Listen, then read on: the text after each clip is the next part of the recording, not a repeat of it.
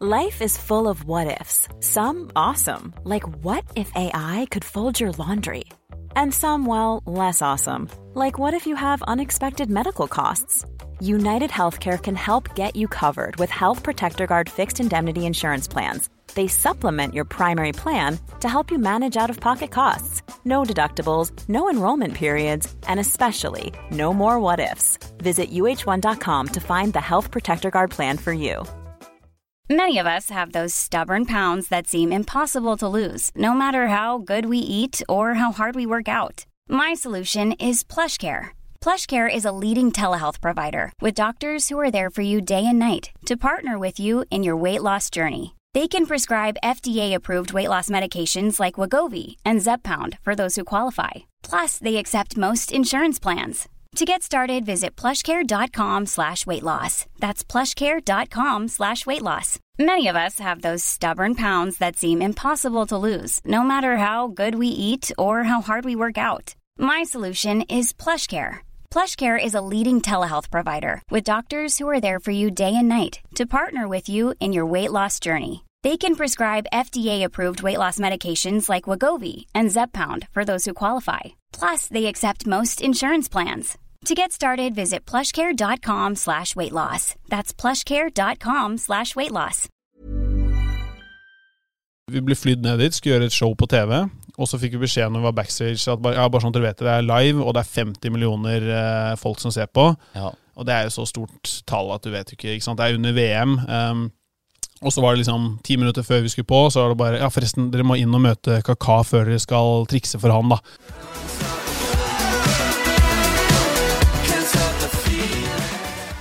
Impressions podcast, episode nummer, det vet vi ikke, men vi har iallfall med oss verdens beste trikser, Tobias Becks. Eller en av verdens beste triksere. Tobias Becks, velkommen til oss. Tusen takk. Du er fem ganger verdensmester, europamester og norsk mester fra 2012 til 2015 i triksing. Kalles det triksing? Ja, det er triksing, freestyle-fotball. Noen kaller det freestyle-triksing. Det, det er litt feil, men eh, eh, ja, trikse med ballen, så fotballtriksing, da. Ja. Og hvordan blir du verdensmester? Nei, det er enkelt svar. Tren masse. Ja. Eh, eh, og så kan jeg utdype det, da, men det er jo mange år med masse trening. eh, som starta med fotballkarriere, og så likte jeg å stå og holde ballen mye for meg selv. eh, egentlig bare for å bli en bedre fotballspiller. Ja. Og så fant jeg da ut at dette her er en egen sport, og um, tenkte at jeg skulle prøve å satse på det. Og så har det resultert i flere titler og veldig mye morsomt de siste årene. ja. Mm. Hvor enn du er fra? Jeg er fra Oslo, Ja. um, men uh, familien min er fra Ålesund, men jeg er født og oppvokst i Oslo. Og du da plukker opp en eh, ball i en eh, ung alder og begynner å spille. Hvor spilte du på banen hen? Jeg spilte uh, midt uh, venstreving, uh, og så gikk jeg over til midtstopper. Alright. Ja, og det var mye av grunnen til at jeg slutta med fotball, for det, det syns jeg var dritkjedelig. Eh, og eh, begynte da å trikse mer, eh, og fant ut at det var morsommere både fordi at eh, jeg syns det, det var en, en eh, tydeligere måte å se at man faktisk ble bedre på. Man lærer liksom et nytt triks, og så Det er veldig tydelig når du får til noe nytt, da. Eh, Men også litt fordi at eh, jeg hadde lagt så mye press på meg selv for å bli profesjonell fotballspiller. Og i ungdomsårene så, så kjente jeg at det, det takla jeg ikke like godt. Og da var det lettere å kanskje gjemme seg, sånn som mange gjør, da, inn i dataspill. Så gjemte jeg meg mer inn i triksinga og nerda veldig på det. Um, og tenkte ikke at det skulle bli noe karriere. Men um, um, der og da så var det egentlig en liten sånn escape fra virkeligheten og det presset jeg hadde lagt på meg selv. da. Ja. Mm. Det var veldig interessant. eh, Hvordan, eh, eller når var første gangen du skjønte at eh, denne triksinga ikke bare er jeg ganske god på det, men dette her kan kanskje bli en karriere eller en levevei? Jeg tror jeg, jeg skjønte det altså Fordelen med triksing fremfor veldig mange andre mindre idretter, er at selv om ikke sporten er så stor, så kan det også brukes som underholdning, eller du kan eh, være med på altså, reklameinnspillinger og den type ting. Eh, så jeg skjønte egentlig ganske tidlig ved at klubben min og noen lokale bedrifter eh, plutselig etterspurte eller spurte om jeg kunne komme og trikse på ulike eventer for dem. Ja. Og så lurte de litt på da, ja, hva vil du ha for det? Og så sånn, hva, hva jeg vil ha for det? Og så skjønte jeg ikke at de faktisk ville betale for at jeg skulle stå og trikse, for jeg digga jo triksing, så det var kjempegøy. så jeg bare sånn, ja, jeg vet ikke, 500 kroner. Eh, og sånn fikk jeg da mitt første show. Ja. Um, og pappa måtte kjøre meg, det var nede i Siljan, uh, eller hva det heter. Og brukte jo mer penger på bensin enn det jeg fikk uh, for det showet. Men da, det ga meg en liten sånn spike, da, og uh, fikk meg til å innse at her kan jeg faktisk tjene penger ved siden av studiene, som tydeligvis var viktig, men jeg ikke syntes var noe gøy. Um, og, og som også kunne tillate meg å da potensielt, tenkte jeg, satse på triksing og, og delta i konkurranser etter hvert. da. Eh, så det var vel sånn jeg skjønte at her kan jeg kanskje leve av det, uavhengig om man blir best eller ikke. ja. Mm. Og så begynte du å konkurrere. Og da er det konkurranser, det er da uti Hvordan melder du deg på en triksekonkurranse, eller hvordan finner du liksom triksemiljøet? Ja, det var ikke like lett. Det var jo før Facebook ble stort, og vi hadde forumer, ulike forumer, så jeg var jo veldig aktiv på ulike forumer, delte videoer på YouTube. Eh, Det var jo sånn jeg også fikk grunn av et gammelt YouTube-navn. Um, og så um, Så du heter ikke Bex? Nei, det heter ikke Bex. Mitt et, ekte navn, det er eh, Tobias Brandal Buseth. Ah, okay. Så Bex er egentlig bare fordi jeg digga Beckham da jeg var yngre. yngre. Hans kallenavn var Bex, Ja. og så var Bex med CKH, som han skriver det, Bex, det var opptatt på YouTube. Så jeg prøvde det med 07, 23, masse forskjellige tall, ikke sant? så funka Ja. ikke det. Så endte det opp med da BECS18, fordi 18 er mitt navn. Ja. Så jeg ble jo kalt da Becks i freestyle-fotballmiljøet. Mm. Eh, Så prøvde jeg å ta tilbake mitt vanlige navn, men Brandal Buseth funker ikke i utlandet.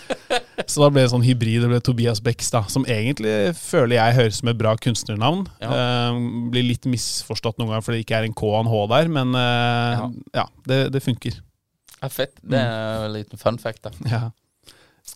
Eh, eh, en fordel, eller en spennende sak da med, med triksing, det er jo at eh, det går ganske fort. Mm. Og det er jo eh, Du kan nesten eh, karakterisere det som perfekt for sosiale medier. Ja. Du har jo godt og vel 400 000 følgere på Instagram, og mange, mange tusen på både TikTok og, og YouTube også. Mm. Hvor og når begynte du å legge ut dette her på eh, sosiale medier, og begynte å vokse godt på dette her? Jeg begynte jo som sagt på YouTube, og da var det rett og slett kun for å kunne dele klippene med resten av miljøet i forumer. Um, så var det både der, Vimeo eller Vimeo eller hva man sier, um, og et par andre plattformer. Um, og så så jeg at de begynte å få en del views på YouTube. Noen av filmene begynte å lage type lengre filmer, ikke bare enkeltklipp, men der jeg begynte å redigere og liksom sette på musikk og få det til å matche, og det var et tema. Um, og så kom jo Instagram etter hvert. Jeg hadde aldri tenkt at det her skulle være noe inntektskilde. Det var en måte å vise frem for resten av miljøet hva jeg hadde fått til å trene på. Ja. Um, og så kom Instagram, som var en game changer i, i freestyle-fotballmiljøet. For det var jo en fortsatt liten sport, og veldig mange har jo vært bevisst på det å trikse med ball, sett Maradona, om det er Zlatan, Ronaldinho, alle de ulike reklamer. Eh, men det spredde seg jo som ild i tørt gress når Instagram kom om å kunne legge ut de mindre videoene, og folk ikke hadde sett dette her før. Så blir det jo litt sånn som når jeg også ser eh, folk turne og tre-fire ganger backflip overalt, liksom, så ble det helt sånn Wow, er det her mulig? ikke sant? Det ble jo tilgjengelig for alle. Eh, Sammen med triksinga. Og eh, det var jo plutselig så bare skøyt følgertallene i, i været. Um, men mye av grunnen til at jeg har så mye følgere nå i sosiale medier, og spesielt på Instagram, er takket være et møte med Zlatan for mange år siden. Eh, hvor jeg legger ut et klipp som jeg ikke nødvendigvis er så fornøyd med. Jeg var ikke helt i form den dagen, som jeg pleier å si. Og det har også fått meg til å innse at det er ikke nødvendigvis alltid skillsa og det jeg som en nerd innenfor det jeg driver med, eh, som er viktig, men det er i hvilken setting og eh, gjør det mer relaterbart til et publikum som ikke kjenner til sporten. Da. Og det gjorde jo Zlatan, for når han står der og reagerer til mine skills og mine triks, og han får det veldig sjelden reaksjon fra, så ringte jo VG i sånn svenske medier overalt, og det blir delt av alle de store eh, altså sidene på Instagram eller eh, brukerne. Så fra 50 000-60 000 følgere til 200 000 følgere bare sånn over natta, var bare, det var helt sjukt. Ja. Og det var da jeg skjønte at her er det noen krefter jeg ikke var klar over. og eh, da begynte jo også reklameforespørsler og, og samarbeid å virkelig eh, tikke inn. da. Mm. Åssen eh, havna du eh, hvor- hvor- Hvordan havna du plutselig å trikse foran Zlatan?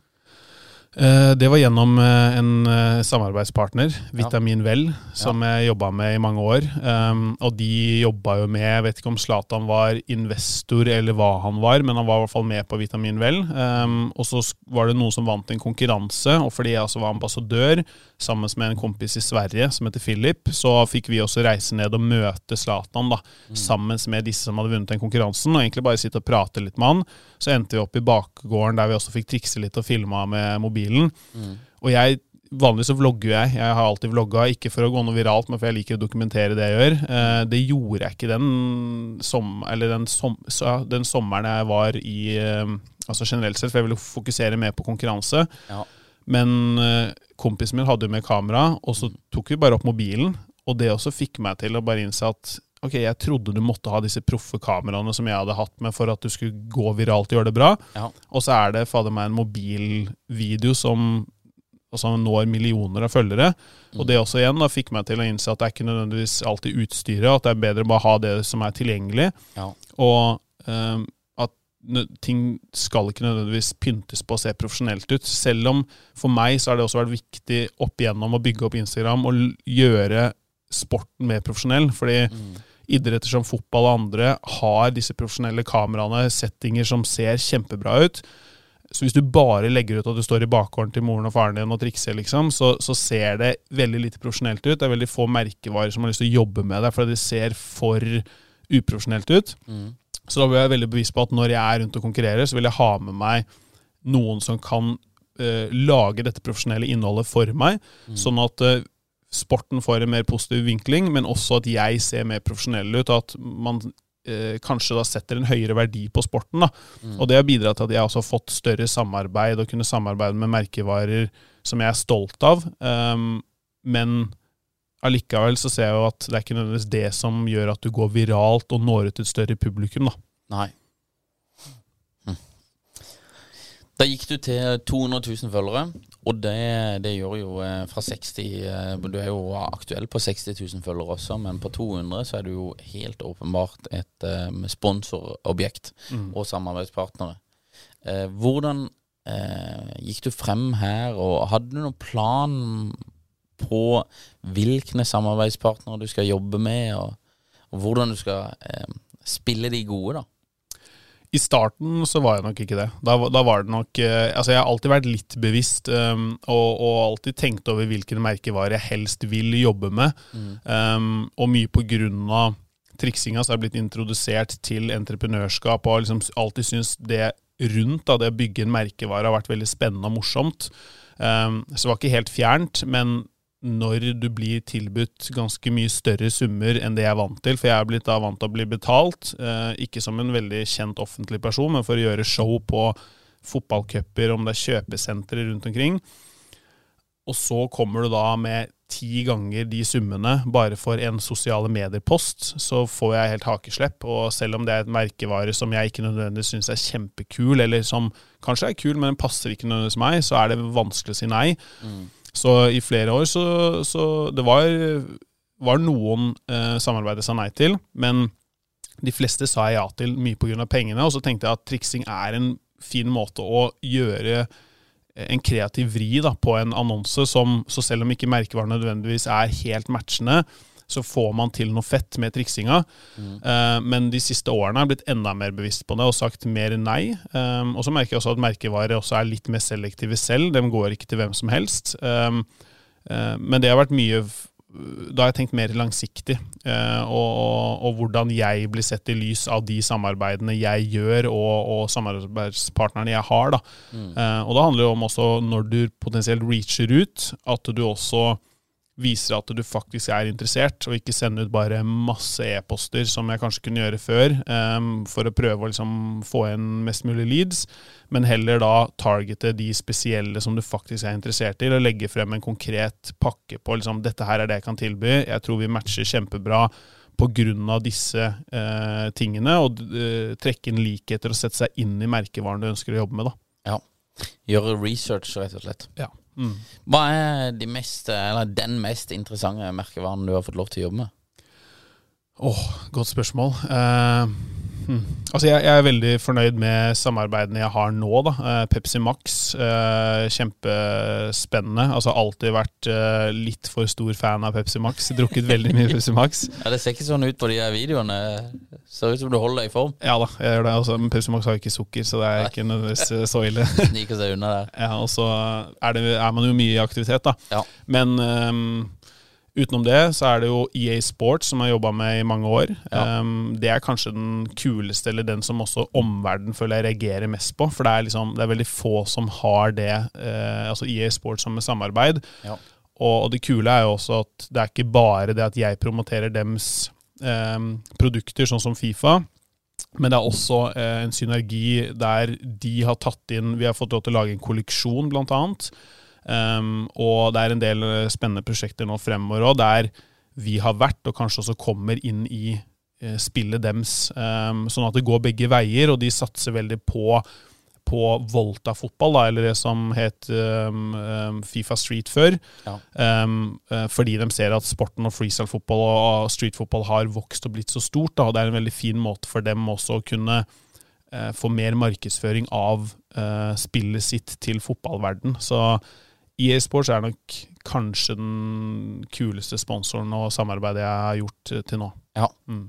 Fett. Har du møtt han der EA Sports-fyren? Han er ikke møtt, men han er jeg keen på å møte. ja.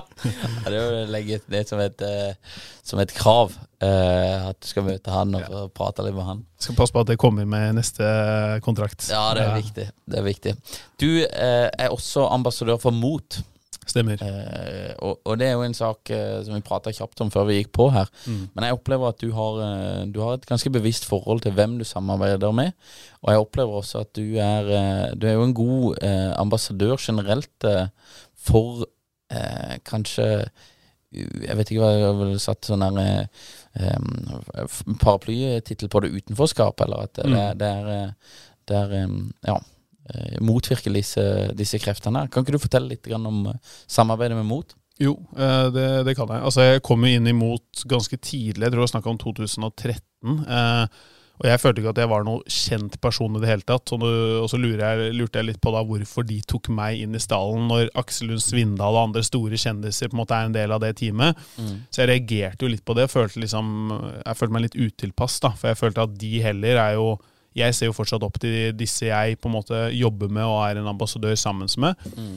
Um, og så, så, det tok litt tid for meg også å forstå um, ja, hvorfor jeg skulle være en ambassadør. Så jeg, jeg, var nok et godt forbilde allerede da, men det har jo vokst veldig på meg. Jeg har innsett også da hvor mye freestyle-fotball også kan bidra til, og hvor, hvor altså det er en såpass annerledes sport, og det å tørre å satse på noe som er så annerledes, eh, hadde jeg tror jeg aldri klart hvis det ikke var for teamet rundt meg. Altså eh, kompiser, foreldrene mine, at de hadde hatt troa på det. For det er jo ikke noe du kan gjøre en karriere ut av, trodde jeg, da.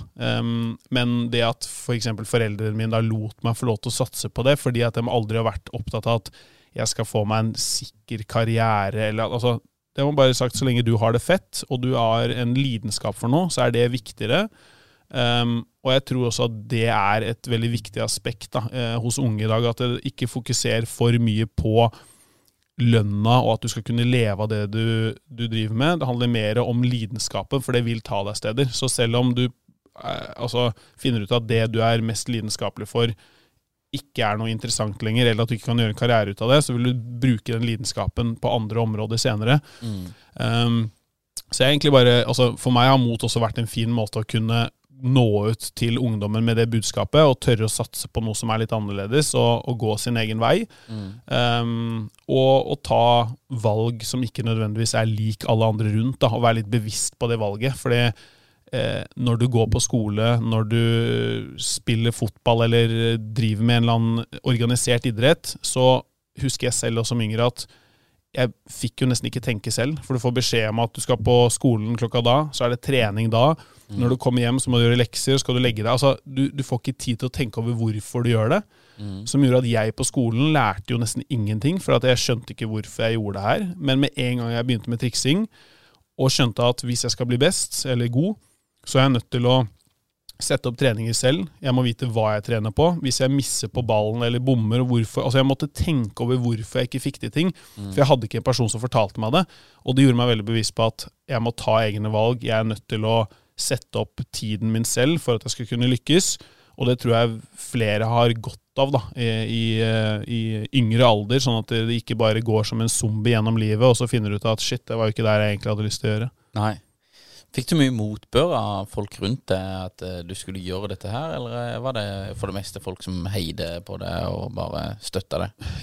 Jeg tror at jeg for det meste hadde folk som støtta meg, men jeg hadde jo masse, mange folk som stilte spørsmålstegn, og spesielt da foreldre, venner og folk rundt, som bare sånn Ja, men hva skal du gjøre når du ikke kan trikse lenger, eller Ja. eh, altså må du ikke få deg en ordentlig jobb, og den type ting.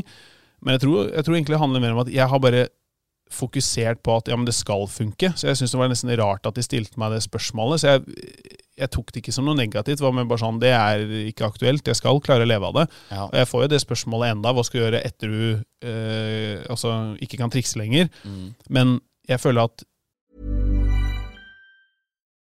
Life is full of what ifs. Some awesome, like what if AI could fold your laundry? And some, well, less awesome, like what if you have unexpected medical costs? United Healthcare can help get you covered with Health Protector Guard fixed indemnity insurance plans. They supplement your primary plan to help you manage out of pocket costs. No deductibles, no enrollment periods, and especially no more what ifs. Visit uh1.com to find the Health Protector Guard plan for you. Hey, it's Ryan Reynolds, and I'm here with Keith, co star of my upcoming film, If, only in theaters, May 17th. Do you want to tell people the big news? All right, I'll do it. Sign up now and you'll get unlimited for $15 a month and six months of Paramount Plus Essential Plan on us. Mintmobile.com slash switch. Upfront payment of $45 equivalent to $15 per month. Unlimited over 40 gigabytes per month. Face lower speeds. Videos at 480p. Active Mint customers by 531.24 get six months of Paramount Plus Essential Plan. Auto renews after six months. Offer ends May 31st, 2024. Separate Paramount Plus registration required. Terms and conditions apply if rated PG. 50% av jobben min er jo ikke å trikse lenger. Nå er det jo så mye annet, jeg har bygd opp så mye rundt. Um, og jeg baserer meg ikke kun på bena mine. Så hvis jeg brekker benet nå, så er det fortsatt en, eh, en god del andre ting jeg kan gjøre. Jeg driver jo et sportsmerke, starta opp Offpitch, som er sånn fotballsenter. Um, og, og er generelt sett en ambassadør, foredragsholder. Det, det er mange andre aspekter. da, Så jeg tror igjen det, det handler jo om og, altså diversity og liksom spre eh, det du driver med. Så du kan fortsatt være ekspert innenfor ett felt, men du kan drive med forskjellige ting, da, sånn at du ikke blir 100 eh, på en måte skada av at du eh, ja, blir skada eller ikke kan gjøre én del av, av jobben. da. Mm. Jeg har jo, jeg har jo en del forskjellige venner som gjør mye unikt. eh, og eh, en av de, du vet kanskje hvem han er, Tom Erik Ryen. Ja. Han lever av skating. Han er jo fra Kristiansand, eller fra Tveit. Og han lever av skating. Han har holdt på med det i 14-15 år og levd av å skate. da Og det er bare så mange selv, selv til meg kommer det folk og bare lever han av skating. Det går Ja, men- ikke, liksom. Jeg syns det er så kult, fordi jeg, jeg ble introdusert eh, for han gjennom deg og dine kanaler, for jeg har fulgt med deg i, i noen år. Ja.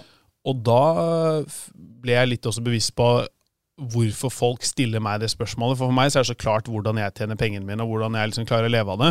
Men jeg ser da Tom Erik, og så ser jeg hva han driver med. Så tenker jeg, Han drar jo bare rundt og skater. Han kan ikke gjøre de samme showene, men det er jo, jeg vet at det er ulike oppdrag, at han kanskje kan være med på innspillinger og ting, men da ble jeg liksom Hvordan klarer han å leve av det i om det er LA eller hvor han er. Ja. Uh, og jeg syns det var litt kult. Da, Bare sånn, da skjønte jeg også at ok, her, det er ikke så klart som det ser ut som for meg. Nei. Fordi han som da driver med noe annet, så ble jeg også litt sånn Ok, hvordan er det han lever av det, da? Mm. Nei, for jeg tror folk eh, Jeg tror en del folk egentlig ikke tenker så mye neg eller, eller at de skal være negative, eller sånn her. men jeg tror det er vanskelig for de å få, forstå hvordan det surrer rundt for deg og for andre folk. da Ja. Og selv meg også får jeg spørsmål om hva er det jeg egentlig gjør. ja. det er sånn, hva, ja, det, det vet jeg nesten ikke selv engang, men, eh, men eh, det surrer jo heldigvis rundt, da. Men det er jo eh, Jeg tror det er det, det å gå en annen vei, da, enn eh, alle andre, og en vei som folk ikke nødvendigvis forstår, det gjør at folk blir litt sånn der eh, undrende. Ja. Og at eh, det kan eh, nok eh, I noen tilfeller så kan det nok oppleves som en type negativitet eller kritikk mot det du holder på, da. Ja, Men spesielt altså sånn som for din del, for du har jo andre som altså, hva, hva vil egentlig dere kalle dere? Medieproduksjonsselskap, reklame, eller Ja, eh, Reinars Media er et mediebyrå. Ja. Vi er jo et sosialt mediebyrå. Så vi, vi gjør jo kun eh, Eller vi, noen av filmene vi har lagd, har havna på TV. Men det er nesten eh, et uhell, holdt jeg på å si. Eller det er nesten mer tilfeldigheter. Det er ikke lagd for TV. Nei. Så alt vi lager, er lagd for sosiale medier. Pass inn på telefonen. Men det er liksom det er det også mange i din rolle, eller som en leder for et sånt selskap, vil jo ofte bare være anonym eller vil ikke ha noe med det å gjøre. Men når du da popper opp sånn som hos meg i feeden min rundt omkring, og du er nesten en eh, influenser selv, manager der, du kjenner de, så blir man jo også sammen med deg spørsmål hva er det du egentlig driver med? For du driver med så mye, og mye av det har Det er jo innenfor det samme feltet, men da blir også folk liksom Hallo, hold deg liksom til det du driver med, eller hvor, altså, hvor er det han tjener pengene sine? Det blir Ja. liksom fordi man er egentlig bare engasjert og veldig interessert i feltet, og nå sitter du og lager podkast. Altså det er liksom men så ser ikke folk at det er ikke nødvendigvis sånn som på Rema, hvor du kjøper noe, og så tjener Rema penger for de kjøpte den varen billigere. Her er det en langsiktig tankegang og investering i det man driver med, da. Ja. ja, det er en litt annen, eh, litt annen tankegang, eh, og hvordan man bygger personlig brand og alt dette her. Så det er litt, eh, det er litt annerledes, og det er jo Hvis du ikke driver med det selv, så kan jeg skjønne at det, det er litt mer utfordrende å forstå eh, hvordan alt går rundt. helt klart. Men hvis man tror at uh, dette er vanskelig uh, å, f- å skjønne hvordan eh, det vi holder på med går rundt, så er det bare å prøve seg i musikkbransjen. Der er det ingen oversikt. Det, det tror jeg på. der, er, der er det helt kaos. uh, du var oppe og spilte fotball eh, mot eh, Støre. Og han hadde jo noen eh, elektriske finter, hørte jeg her med strømstøtten. Mm. Hva, hvordan var Støre på banen? For helt ærlig så så jeg ikke så mye til han. Nei. Og jeg vet ikke om det var fordi at vi eh, var på forskjellige sider av banen, eller om det var fordi at han var mest på benken. Ja. For jeg, jeg la ut et klipp, for jeg, jeg prøvde jo meg Altså jeg som fotballtrikser skal jo liksom være så veldig god på banen, men det er noe helt annet når du løper frem og tilbake, og du blir dødssliten, og så skal ta ballen og trikse. Så jeg hadde en finte som jeg tenkte, eller noe klipp, som bare åh, det her er dritfett. Så står jo Støre også borte der og snakker med publikum, så det ser jo ut som at det er pause og ingen ser på meg. ikke sant? Ja. Så jeg ble jo nesten litt irritert for at han ødela det klippet. Så jeg, jeg, jeg tror han for det meste var på benken, og så hadde han vel eh, eh, en, eh, en fin scene når han skulle skyte straffe. Ja. Og da, da ser man jo egentlig hvor eh, dårlig han, han var på banen, og kanskje hvorfor han satt eh, for mesteparten på benken. da. ja. Så, Nei, det er noe med det å hive disse her eh, litt eh, voksne folkene ut på aktiviteter. Så du det der med Joe Biden når han var ute og sykla også? nei, det har jeg ikke sett. Jeg var ute og sykla. Og jeg, hør, jeg hørte det, men ja. Han var ute på sykkel iallfall, og så har han jo sånn her eh, veldig god sykkel, da. ja. Og så har han jo føttene eh, De sitter jo fast, da. Oh, ja, nei. Ikke sant? Og så kommer han seg jo ikke av. Så han du, Han faller jo bare rett over sida. Så, så det er litt sånn det, De prøver jo å framstille disse her som eh, unge og friske og liksom god, godt i gang, da. Og så blir det litt eh, Det slår litt tilbake når de plutselig er ute med skade, alle mann her. Han, han, men han ser jo mye eldre ut enn når han eh, først starta, Ja. Biden. Så han ser ut som han har tatt på seg ti år de siste to årene. Ja, det, det, det tror jeg alle som er amerikansk president drar på seg noen år, altså. Ja, ja. Mm. I 2001 så eh, gikk du på TV. Da var du deltaker i Fangene på fortet. I 2001? Ja, 2021. Ja, for det hadde vært litt lenge siden. Ja, det var- da var jeg ni år, tror jeg. Ja, det var, men det, nesten, eh, det var nesten tilbake til da Fangene på fortet Ja. var. For det var, altså, jeg ble jo kjent med på den tiden hvor Daniel Frank og Var det Jenny Skavlan, tror jeg? Ja. Ja, var Kanskje. programledere. Jeg syns i hvert fall det var et dritkult program. Ja. Så når jeg først fikk forespørselen, så var det igjen litt den derre Ja, men meg, altså jeg er ikke noe kjent person. Det er greit nok at jeg mye følgere på sosiale medier, men det er også mye internasjonalt. Eh, så føler jeg også de siste årene at jeg har blitt et mer kjent ansikt, og nå blir jeg jo mye mer kjent igjen, men det er som regel fotballspillere og på en måte det Så hvis jeg er på Norway Cup, så er det jo liksom selfier overalt. Jeg føler meg som mer kjent enn uh, Gahr Støre. Ja. Men i en vanlig liksom, setting på gata, så føler ikke jeg meg som noe kjent. Så jeg var litt sånn Ja, ok, ja, hvis dere syns jeg er kjendis nok, uh, så så er jeg lett med på det. Og jeg tenkte jo korona, det skjer jo ikke så mye annet, så hvorfor ikke ta på en, en, en utfordring til? Ja. Utrolig kul opplevelse. Men jeg er ikke noe særlig fornøyd med prestasjonen. Altså det var jo, og det er jo litt det som idrettsutøver, så gnager jo det litt eh, i hodet. Altså både mine personlige, men også laget vårt. Vi gjorde det ikke så veldig bra. Eh, men jeg har prøvd å glemme, glemme av det eh, så så godt det lar seg gjøre, og heller bare tenke at det var en morsom opplevelse å få være med på. Ja. Hvem er den kuleste personen eh, du har eh, møtt av, eller kuleste du har gjort kanskje av eh, det du har holdt på med? Feteste opplevelsen?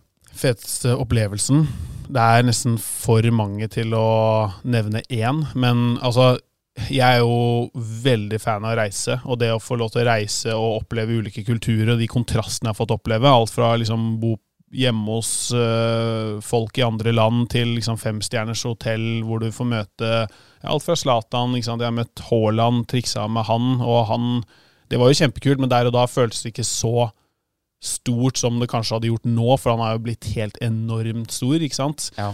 Eh, men triksa med Altså, en av de gangene jeg kanskje var mest sånn starstruck, selv om kanskje ikke er den største spilleren, var på brasiliansk TV eh, med Kaka. Med kaka? Ja, og det var Ja, det er eh, heftig. ja, det var kult. Og det var, altså, vi ble flydd ned dit, skulle gjøre et show på TV. Og så fikk vi beskjed når vi var backstage at bare, ja, bare sånn dere vet det, det er live, og det er 50 millioner eh, folk som ser på. Ja. Og det er jo så stort tall at du vet jo ikke. ikke sant? Det er under VM. Um, og så var det liksom ti minutter før vi skulle på, så var det bare Ja, forresten, dere må inn og møte Kaka før dere skal trikse for han, da. Møte Kaka Vi visste ikke at vi skulle møte han, ikke sant? Nei, nei. Så da ti minutter før så får vi da møte han, og jeg ser at det er Kaka. Og for de yngre som hører på nå, vet nesten kanskje ikke hvem Kaka er. eh, Han er avdanka fotballspiller. Ja, men han er legende. Ja, han er legende. Og, og det da å få gå ut der og, og trikse foran han, det var helt rått. Og så da ut i gatene etterpå, hvor man ble gjenkjent. Og det var, jeg husker ikke hvilken kamp det var, men det er Sao Paulo. Og det var liksom masse folk i gatene med storskjermer overalt. Og det bare sånn Da fikk jeg litt sånn uh, følelse av at du har eh, klart det, liksom. Altså, det her er stort. Uh, selv om ikke jeg var leid inn fordi at jeg pga. navnet mitt. Det var jo bare de skulle ha en trikser, ikke sant? men det var en utrolig kul opplevelse. Eh, og det er jo flere av de der jeg har møtt forskjellige typer stjerner. Um, men så er det jo også mange andre kule øyeblikk uh, som vi har skapt, hvor altså budskapet mitt er jo også å prøve å vise at du kan drive med idrett hvor som helst og når som helst, og, og promotere eh, egenorganisert idrett. Og det er jo gjort med ganske mange kule stunt, som bl.a. å henge en heisekran som NRK hjalp oss med å gjennomføre, og trikse i en heisekran. Eh, eller på Ekstremsport-VK i Voss, hvor jeg var med en sånn paraglider og, og triksa opp i lufta. Ja. Eh, så man har jo fått lov til å spille fotball da, i gåstegn, eller trikse i mange kule settinger som man vanligvis ikke gjør. da. Mm. Mm. Ja, det er veldig interessant. Det er veldig interessant. Eh, TikTok. Ja. Du er på TikTok. Det er jeg. Og eh, Hvordan opplever du TikTok og, og hele plattformen for din, eh, for din del? Det er spennende. Det er på en måte Det er da jeg eh, Altså, når jeg blir interessert for TikTok eller Musical.ly, da. eh, For jeg begynte i den tiden der. Har Kaller du det Musical.ly? Ok, hva, hva sier man? Nei, jeg vet ikke. Eh, vi har kalt det Musical.ly. Musically Ok, ja, men det, det Men det kan sikkert. være det er Musical.ly. Ja, jeg, jeg er usikker. Jeg er også usikker. Ja. Nei, jeg ble, jeg ble i hvert fall interessert for det, Ja. um, og har vært veldig sånn, fokusert på Instagram, for det var der jeg hadde veksten min, og da liksom, hadde på en måte en oppskrift da, i gåstegn på hvordan jeg klarte å bygge opp følgere, som nå ikke funker, og nå har jeg mista en del følgere, faktisk. Um, men uh, så begynte jeg på TikTok, og så, eller Musical.ly ja. Eh, og så da plutselig så gikk jo noen videoer viralt, det var litt sånn random i, i starten. Eh, altså når vi gikk over til TikTok, så da jeg først merka den, eh, eh, den store veksten. da. Ja. Eh, og det var veldig tilfeldig hva som gjorde det bra og ikke, og det var litt frustrerende for meg i starten. Men så hadde jeg en del kompiser i utlandet, i, England og sånne ting, som gjorde det veldig bra, og de sa at du burde gå på eh, TikTok, og du burde bruke det enda mer. Så jeg gjorde det, bare posta masse, og var inne i ulike grupper og snakka med da de som var ansvarlig for TikTok Europe, og liksom det var før det ble ordentlig stort.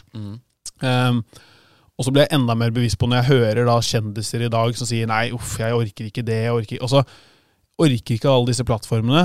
Så har jeg plutselig skjønt at jeg må ikke forelske meg i en plattform. Altså Det er ikke Instagram som har gjort meg eh, famous, på en måte. Altså du, du kan nå ut til folk gjennom forskjellige kanaler, om det er TV, om det er Instagram, om det er TikTok, om det er YouTube. Men du må bruke plattformene på, på unike måter og finne ut hva som funker. For jeg prøvde bare å kopiere det jeg hadde gjort på Instagram, på TikTok. TikTok. Så skjønte jeg at her må jeg egentlig legge ut mye mer eh, ikke uprofesjonelle, men mer prof, eh, personlige videoer. Så jeg begynte å lage mer sånn selfie-videoer der jeg prata, tok opp temaer. Eh, og folk tror at nei, men liksom, I starten trodde de du må danse, du må gjøre disse tingene som alle andre gjør. Men jeg prøvde bare å finne en måte der jeg kunne gjøre det jeg fortsatt gjør, men på TikTok-vis, da, eller sånn på en litt annerledes måte enn jeg gjorde på Instagram. Um, så jeg har jo bygd opp Nå har jeg 94 000 følgere, og forskjellen der fra Instagram er jo at 90% av de er jo norske, og så har du svenske og danske, på en måte. Så det er veldig lokalt, um, fremfor Instagram som er spredt rundt omkring i hele verden. Og på TikTok så la jeg ut, og gjør nesten det også fortsatt, det samme som jeg ville lagt ut på Story på Instagram. Men, og der, der, er det, der er jeg mer personlig, mens på Instagram så er jeg mer, der skal være litt mer profesjonelt eh, på en måte innhold. Ja. Prøver å trappe det litt der. Eh, mens på TikTok så legger jeg bare ut det jeg har, og bare hvis det er noe fra en Altså det er noe tilfeldig, så bare tar jeg opp mobilen og filmer det, og så bare legger jeg det ut uten å tenke på det engang, nesten. Ja, og druser det ut. Ja. Det er litt interessant åssen uh, dynamikken til uh, TikTok er kontra Instagram. Instagram opplever jeg også som eh, fremdeles ganske mye mer proft, og, og at eh, story-funksjonen kanskje er nærmere det du fyrer på TikTok. Det som er på TikTok også, er hvis du har så veldig mange følgere, så kan fremdeles contentet gå eh, forsvinne. Ja. Eh, at det ikke blir vist til noen. Så jeg føler på TikTok er det nesten eh, en ny eh, Nesten Alf Prøysen. eh, Det er blanke ark og fargestifter hver gang. Hver video du legger ut. Men det, det, det, jeg tror appellerer til mer de altså vanlige folkene, de som ikke nødvendigvis har likt Instagram og de andre plattformene, fordi det blir litt som en sånn slåttmaskin også. Det er sånn, nesten litt sånn bingo hva som går viralt og ikke. Det er, det er jo en oppskrift på det, helt klart, men det er også litt sånn åh, i dag så kan det hende at en video går viralt, og det er noe spenning ved det. Samme en algoritme når du blar. Jeg er jo til og med, altså jeg kan jo bli fanga av det TikTok selv og bare sitte og bla i evigheter, og så kommer du til en så random video at du bare hva er det jeg driver med? Når jeg sitter her en time og bare scrolla nedover, ikke sant. Ja. Uh, men jeg tror det er det som appellerer til mange, at du kan gå viralt, og du trenger ikke nødvendigvis å ha alle disse følgerne. Og så tror jeg Instagram kanskje også gjør litt feil å prøve å kopiere for mye av TikTok, for det er ikke nødvendigvis derfor vi er på Instagram, at de heller kanskje burde snu om og holde på det de har, at det handler mer om følgerne sine, at de da holder på det miljøet de har, eh, har skapt, og bygger opp noe der, istedenfor nå å prøve å liksom kopiere det TikTok gjør. da. Mm. Jeg er enig i det. Det er um, spennende å følge utviklinga og se hvor Instagram går. Instagram har uh, uh, historisk hatt veldig god suksess med å eh, kopiere på en måte og gjøre sine egne varianter av f.eks. stories, som de kopierte fra, fra Snapchat. Og på to uker så hadde de 400 millioner det. brukere og var den største story-leverandøren i verden. Det husker jeg de fikk mye hate for. oss. Ja, men de er likevel De tok uh, the number one spot, og uh, de har holdt egentlig den uh, Iallfall på Stories fram til nå. Så vi, TikTok er jo på en måte den største reelle konkurrenten som Instagram har hatt eh, på veldig, veldig lang tid. Og en, eh, og en eh, De gjør jo en, en interessant sak der også. Det er jo at eh, disse plattformene vil jo at du skal være der så lenge som mulig. Så de vil ikke at du skal ut av plattformen. Og det var jo et Det er jo og var en, en negativ sak med, for Instagram, da. At du bladde du, du bladde gjennom følgerne dine. Og når du kom til bunn, så var du check, da var du ferdig. Ferdig, ja. Og da går du ut av plattformen. Eh, mens uh, der er jo TikTok uh, Og det, der følger jo Instagram etter, men der er det helt Det er jo uendelig. Du kan jo scrolle til du går i grava, holdt jeg på å si. Det er jo en, en never-ending stream. Så du, de jobber jo veldig hardt for at du ikke skal forlate plattformen. Du skal holde deg der. Så det er jo et attention game, og, og de trenger så mye attention som mulig. Men, men hva, jeg er bare litt nysgjerrig. Hva gjør dere f.eks. med disse, sånn som Norway-kanalen og sånne ting? Er det stor forskjell med hva dere gjør på Instagram og TikTok? Ja, nå er det, det er Midt Norge vi har. Midt Norge er det. Eh, Midt Norge. Men eh, det er litt forskjell, altså. Mm. Eh, det er litt forskjell, men, men hvis, vi ser jo at på disse kanalene så funker jo fremdeles bilder eh, ganske bra. Ok. Mm. og det, det opplever jeg kanskje ikke at alle privatpersoner, hvis du kan kalle det det, eller Mm. influensere, har like høy hit rate på bilder. Fordi Instagram pusher veldig reels. Mm. Men det er ikke så veldig mye forskjell. det er det ikke. Kanskje litt på volum og sånn. Nå har vi Vi har ikke kommet sånn kjempegodt i gang ennå på TikTok, men vi har 50 000 følgere på Midt Norge. Okay. Så den må, den må vokse videre. Men eh, jeg prøver å bli kjent med eh, Prøver å bli kjent med plattformen og, Mm. og bruke det. Men vi ser jo at Instagram funker ganske godt for oss ennå. Ja. Eh, Det gjør det. altså. Så vi har jo bikka fem millioner følgere i fjor og Wow.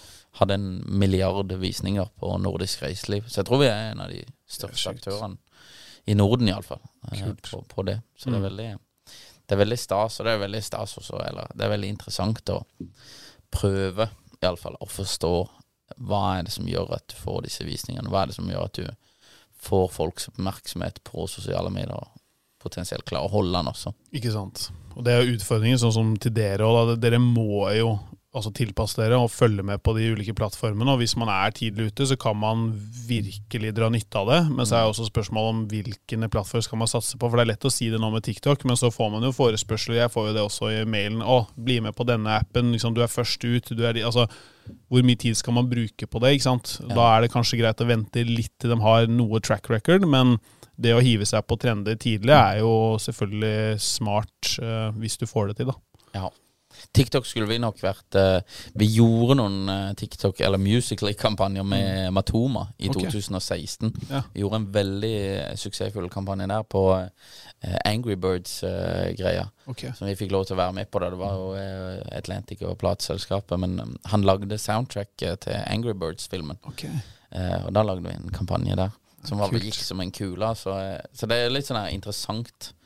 Uh, ja, det er interessant, men TikTok på um, Midt Norge og Nordic Backyard, der skulle vi kanskje vært enda litt eh, mer framme i skoen. Mm.